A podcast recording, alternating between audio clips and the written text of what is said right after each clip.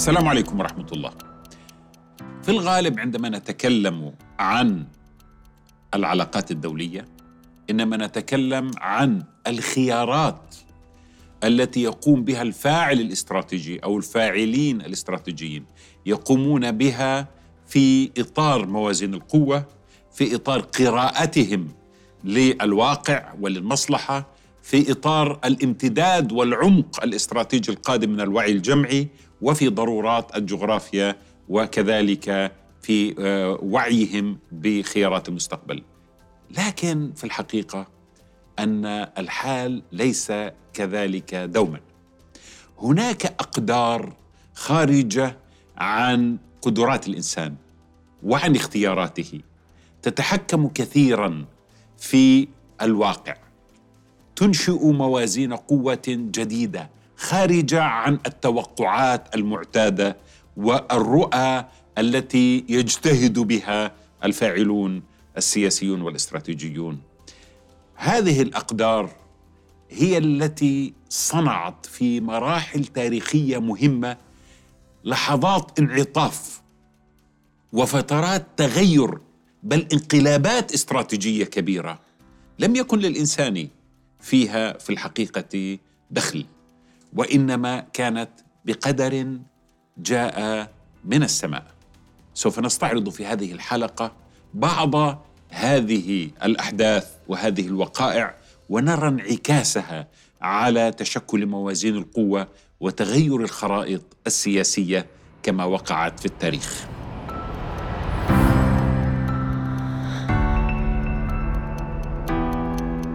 يصف المؤرخون عام 536 على أنه أسوأ عام في التاريخ. لماذا؟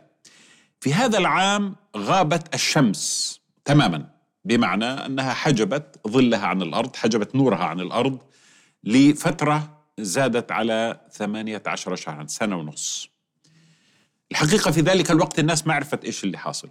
الشمس أصبحت مجللة بقدر هائل جدا. من الضباب من الغيوم من من ال الدخان إن شئت والغبار. آه، قرص الشمس كان بائنا لكن الناس لم يستطيعوا أن يجدوا أو أن يروا ظلالهم. طبعا عندما حدث هذا أثر تاثيرا جوهريا على حياة الناس انخفضت درجات الحرارة بشكل كبير. أدت إلى موت كثير لحيوانات في مختلف أنحاء العالم. وكذلك إلى موت المزاريع والمزروعات والمحاصيل وأدى كذلك إلى حالة شديدة من الفزع والاضطراب والقلق وغياب اليقين والشعوذة وأشياء كثيرة جدا حصلت في العالم. هذه الظاهرة انتشرت في كل أنحاء العالم تقريبا. الصين سقط فيها الثلج في الصيف. أوروبا غابت فيها الشمس وماتت فيها المحاصيل. العالم حتى في منطقتنا في منطقة العالم العربي في الشام نجد المؤرخين السريان يتكلمون عن عام لم يروا فيه الشمس لمدة آه، تماما بل رأوا ما يشبه القمر في السماء بدلا من الشمس. كل هذه الوقائع وهذه الأحداث أدت إلى تغيرات جوهرية في موازين القوة وفي الواقع الجيوسياسي والاقتصادي العالمي. طبعا إحنا اليوم نعرف ما الذي وقع. في زمنهم إحنا ما ما كانوا عارفين الجماعه إيش اللي حصل. اليوم نعرف أنه في عام 536 ثار بركان ضخم في آيسلندا وهذا البركان واصل ثورانه فترة من الزمن ثم عاد وثار مرة أخرى في عام 540 وفي عام 542 أطلق كمية هائلة من الغبار في السماء حجبت الشمس وأدت إلى هذه الظاهرة التي استمرت سنة ونصف والتي أدت كما قلنا إلى موت أعداد كبيرة من الناس والحيوانات والنباتات وما إلى ذلك. لكن المهم في هذه المسألة أن هذا الواقع أدى إلى كساد اقتصادي وإلى إشكالات استمرت تقريبا مئة عام. يقول المؤرخون أن الأرض لم تعد إلى توازنها لا البيئي ولا الاقتصادي إلا في عام 640 أي بعد تقريبا 100 عام من آه، بركان ايسلندا الذي انفجر في عام 536 والأخطر من ذلك أنه في عام 540 و 542 وقع طاعون يسمى بطاعون جاستنيان وهذا مشهور بالتاريخ. جاستنيان كان هو الإمبراطور البيزنطي في ذلك الوقت. سمي الطاعون باسمه لأنه بيزنطة اللي هي القسطنطينية إسطنبول حاليا كانت آه، قد تضررت بشكل جوهري. يعني قتل أكثر من 30 إلى نصف سكان في تقديرات تقول 30% في تقديرات بتكون نصف سكان آه، القسطنطينية ماتوا بسبب هذا الطاعون الذي انتشر تقريبا في معظم أنحاء العالم المعروف في ذلك الوقت، لا سيما في أوروبا وفي بلاد فارس وفي آسيا الوسطى على على وجه التحديد، وأدى إلى موت أعداد كبيرة من الناس ربما ربما نقول أن نسبة مقدرة ربما ربع البشرية توفيت أو قتلت أو ماتت في طاعون آه، جاستنيان هذا. هذا يعني أن الإمبراطوريات الكبرى التي كانت تهيمن على الاقتصاد العالمي وتهيمن على على على النفوذ في العالم وهي الإمبراطورية الصينية والإمبراطورية الفارسية والإمبراطورية البيزنطية الرومانية الشرقية كلها تأثرت تاثرا كبيرا.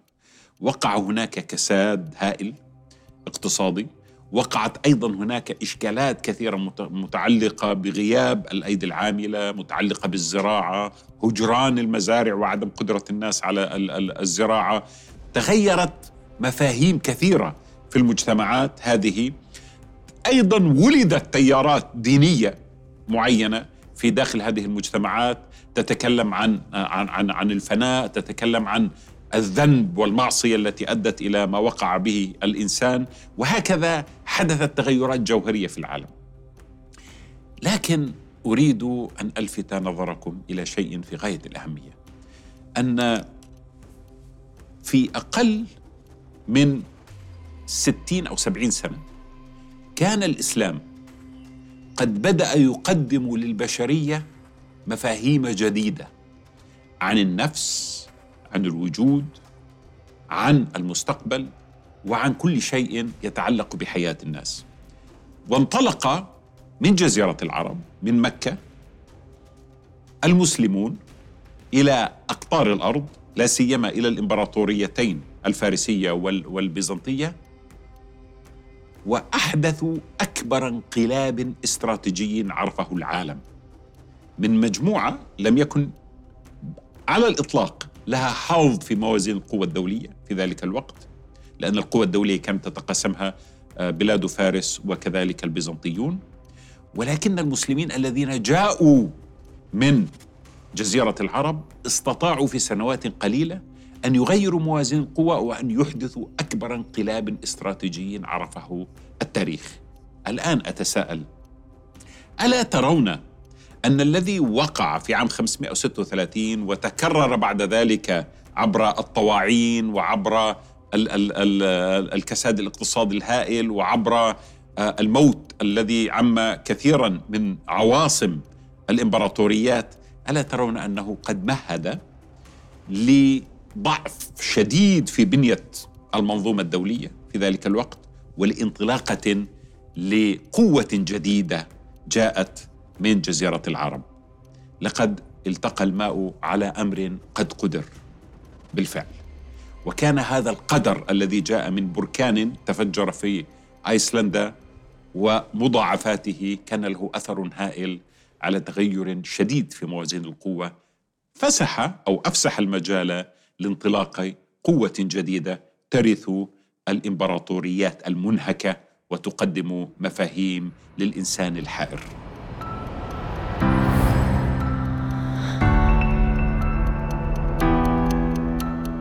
يقدر المؤرخون أن عدد سكان الكرة الأرضية عام 1347 كان بحدود 450 مليون إنسان.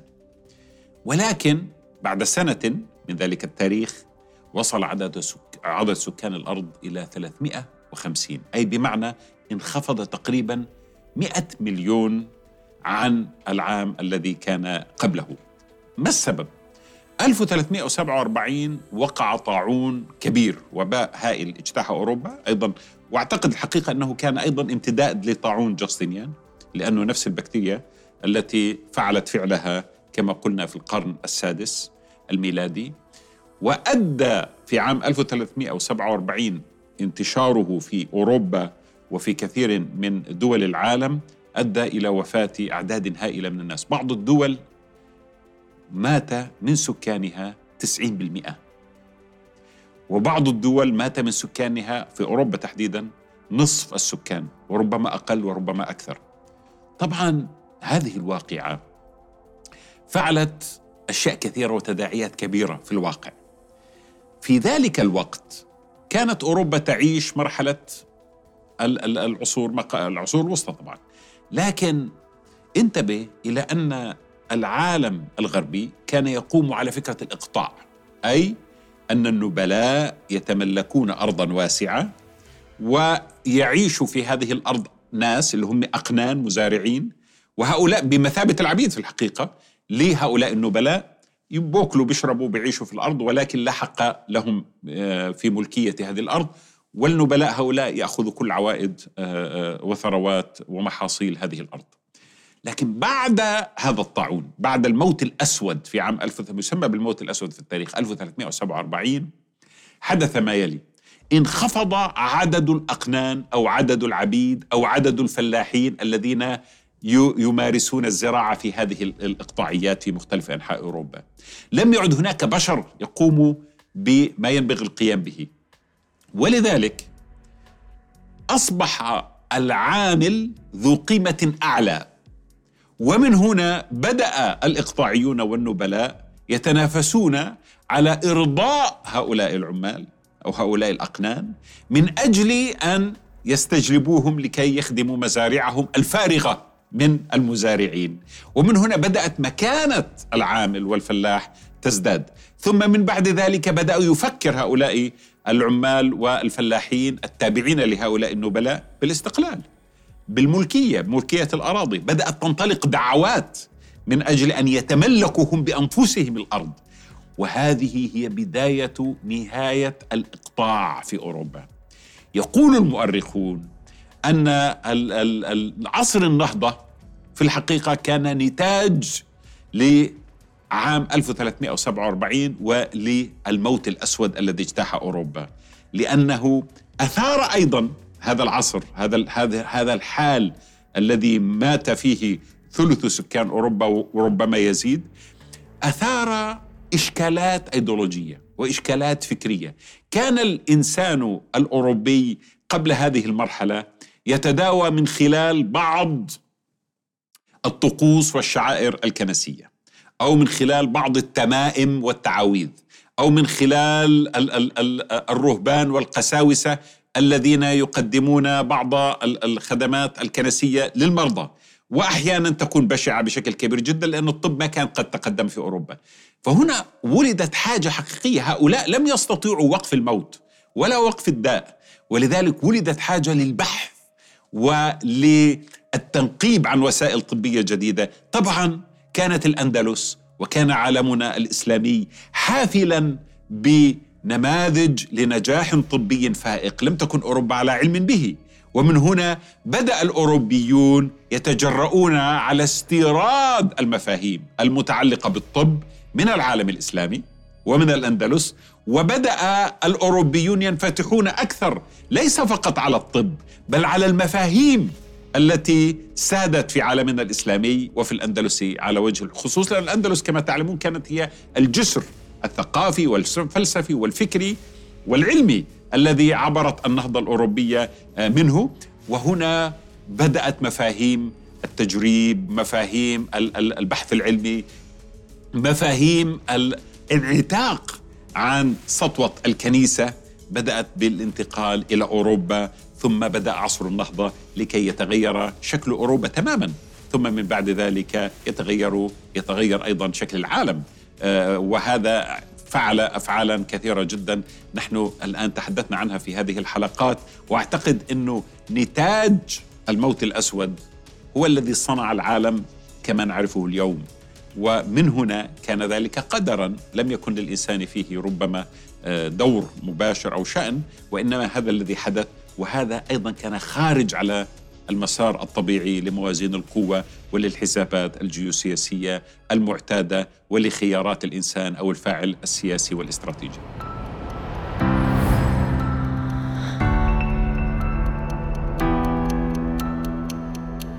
لقد عاش عالمنا في السنوات الماضية أيضا جائحة كورونا وكانت هذه بالمناسبة أيضا تدخلا غير محسوب في موازين القوة.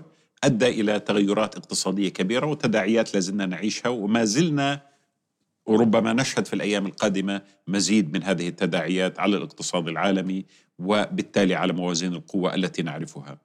ثم أننا نعيش حالة التغير المناخي، وأنا أتوقف قليلا عند هذه الحالة لأنه هذه حالة أكثر عمقا وأكثر أهمية من أي حالة عرفها التاريخ، ليش؟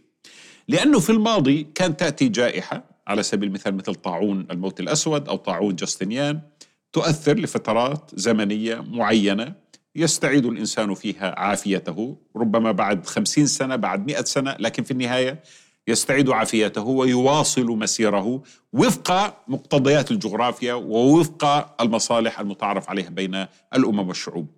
لكن في حالة التغير المناخي هذه تغير أسس الأسس التي قامت عليها موازين القوة. عندما نتكلم على سبيل المثال على الجغرافيا. والجغرافيا كما قلنا هي صنع الله في الأرض. والجغرافيا لا تتغير بسهولة.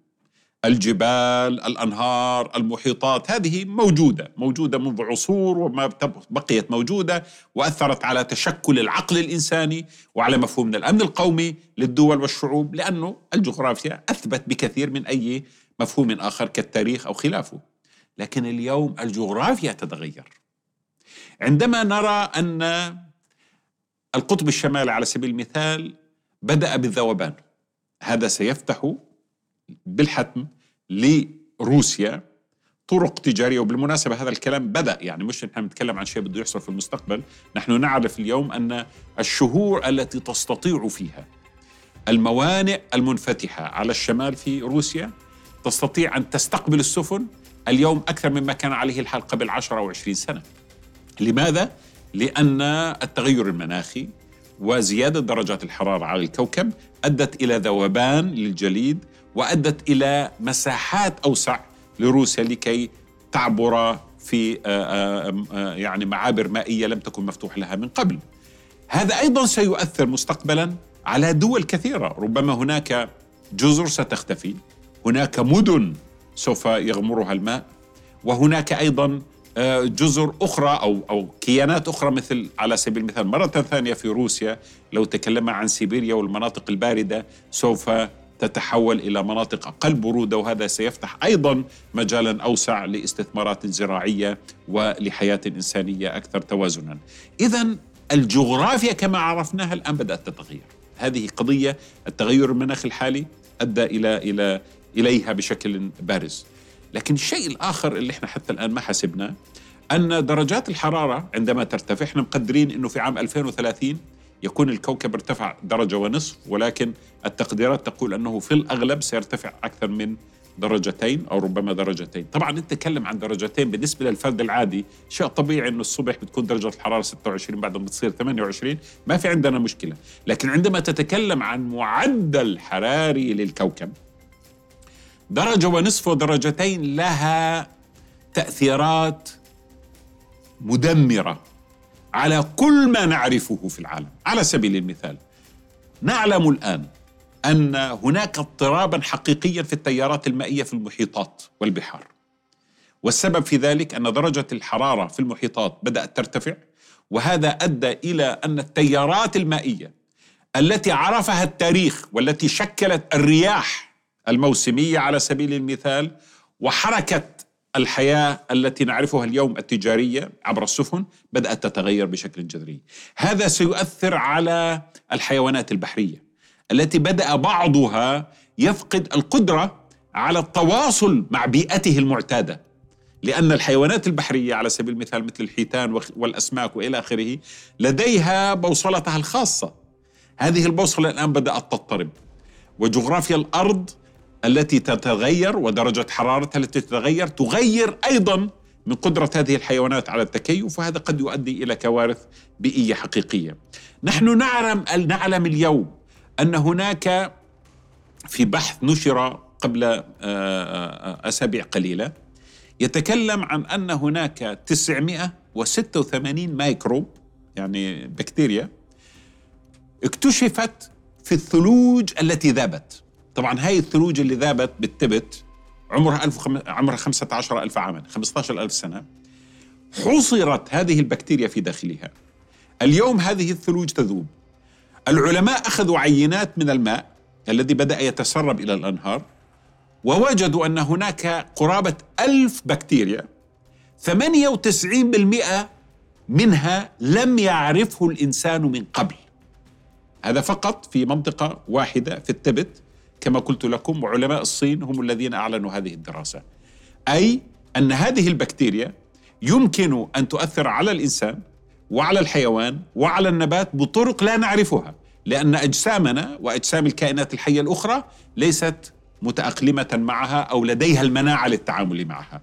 فهل يعني هذا أننا سنواجه موجات جديدة من الأوبئة التي يتفاجأ الإنسان بها؟ إحنا مثل الطواعين بالنسبة لنا انتهت لأنه عمليا اكتشفنا مضادات حيوية ولم يعد للطاعون يعني تلك القدرة لأنه عرفنا يعني عرفنا البكتيريا وحضرنا لها ما, ما يمكن أن يقضي عليها.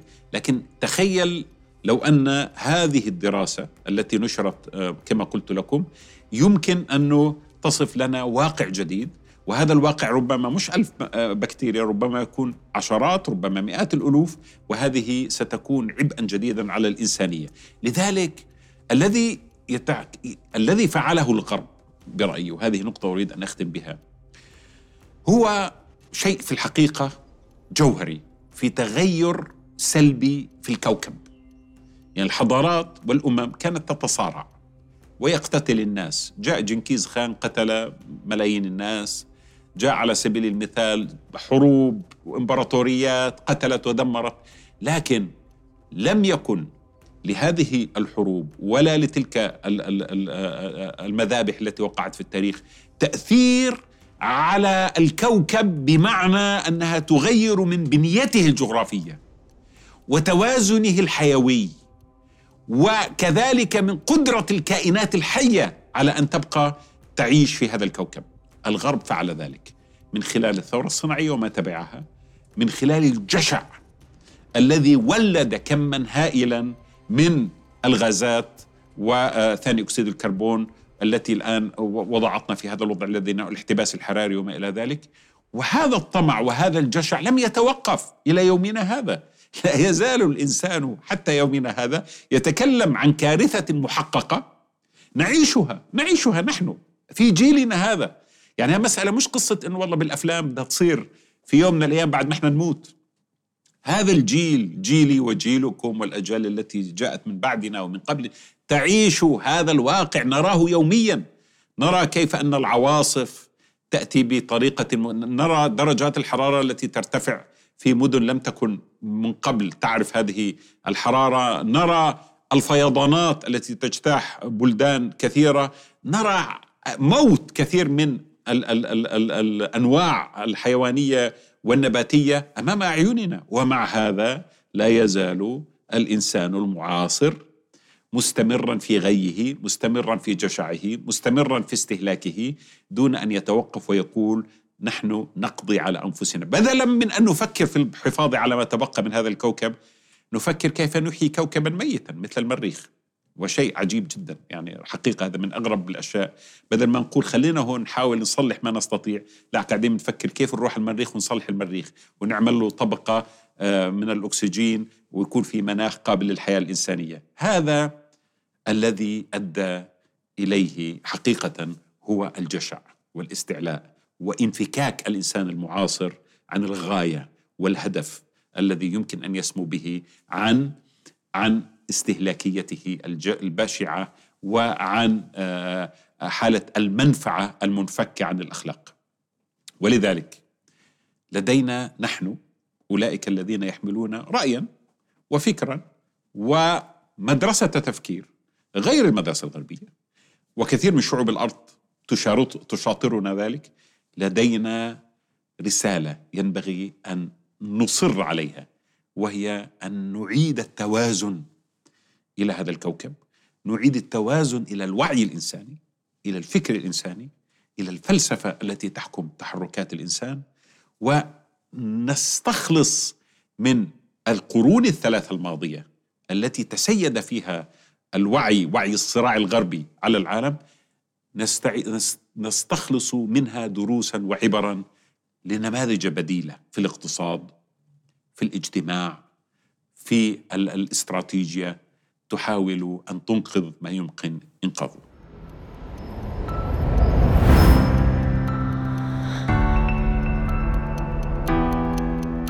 في برنامجنا هذا الذي حمل اسم موازين حاولنا أن نقدم إجابة على سؤال مهم وهو كيف نفهم العالم. في الحلقات التي تضمنها هذا الموسم من موازين استعرضنا مجموعة مهمة من المفاهيم والمرتكزات التأسيسية التي يمكن للواحد منا أن يستحضرها عندما يريد أن يقرأ الوقائع والأحداث التي تحدث في العالم. تكلمنا عن الجغرافيا وتكلمنا عن التاريخ والوعي الجمعي تكلمنا كذلك عن تصور الأمم لمستقبلها وكيف يؤثر هذا التصور على آه، على واقعها. تكلمنا عن الظروف الاقتصادية وموازين القوى المتعلقة بالتحالفات وتكلمنا عن مراكز النفوذ وما إلى ذلك ثم استعرضنا تاريخيا وبشكل سريع بعض المحطات الرئيسية التي شكلت الوعي الاستراتيجي الحالي عالميا. لكن في الحقيقة نحن لن نقف عند ذلك. ربما تكون هذه الحلقة هي الحلقة الأخيرة في هذا الموسم، الموسم التأسيسي. لكننا سننتقل إن شاء الله بعد ذلك إلى حديث أكثر تفصيلا وإلى أمثلة نستحضرها لكي نطبق هذه المفاهيم عليها. لا سيما في واقعنا العربي والإسلامي، لماذا؟ لأنه نحن الآن نعيش حالة انتقال لا شك إنه هذه أحد حالات الانتقال الفريدة في التاريخ يعني بجوز إحنا بعد سنوات من الزمن سننظر إلى هذه الأعوام ونقول والله في الأعوام هذه في من 2020 إلى 2025 ربما عشنا حالة انتقال ما كناش ربما إحنا عارفين أهميتها في هذه اللحظة لأنه معظم حالات الانتقال يدرك كنهها بعد آه، فوات آه، أوانها. ولكن نحن اليوم أمام حالة انتقال فريدة في النظام الدولي وفي النظام الإقليمي وحالة انتقال في الفكر الإنساني وحالة انتقال في المناخ والبيئة والكوكب بشكل عام. وحالات الانتقال هذه لم تجتمع قط في أي لحظة من لحظات التاريخ. يعني التاريخ أحيانا بمر بحروب أحيانا يمر بحالات انتقال لها علاقة بصراعات الأمم بالنظام بالنظام الدولي تتشكل رؤى وتصورات وأفكار فلسفية جديدة بننتقل لعصر ما نسميه عصر النهضة ننتقل لكنه لم نشهد حسب ما أعلم أن العالم شهد لحظة انتقال. التقى فيها التغير في المنظومة الدولية مع التغير في المنظومات الإقليمية مع التغير في المنظومات الديمغرافية الإنسانية والاقتصاد ثم مع تغير أيضا في الكوكب من من حيث المناخ ومن حيث آه، حالة الإنسان آه، يعني البيئة التي يعيش فيها الإنسان ويعيش فيها الحيوان ويعيش فيها النبات. هذه حالة فريدة. ولذلك ربما تصنع واقعا آه، مختلفا تماما عن الوقائع التي كنا نعرفها في السابق أضف إلى ذلك حالة الانتقال التقني وهي طريقة يعني اليوم إحنا لا نفكر كما يفكر آباؤنا ولا أولادنا يفكرون كما نفكر نحن لماذا؟ لأنه البنى المعرفية تتغير وتتحول. لدينا هناك غربة ربما في الأجيال حقيقة بعد قليل سنشاهدها لأنه أبنائنا وأحفادنا لن يكون لديهم نفس المنطلقات الفكرية التي عشناها نحن ونفس المرتكزات التي ارتكزنا عليها ونفس الينابيع التي نهلنا منها. كل واحد اليوم له طريق مختلفة. إذا كل هذه الحالة ستنبئ عن واقع عالمي جديد. سنواكبه. سنتحدث عنه. سوف نأتي بأمثلة لتغيرات جوهرية تحدث في العالم لموازين قوة تتغير أمام آه، أنظارنا لتشكلات جيوسياسية وتحالفات.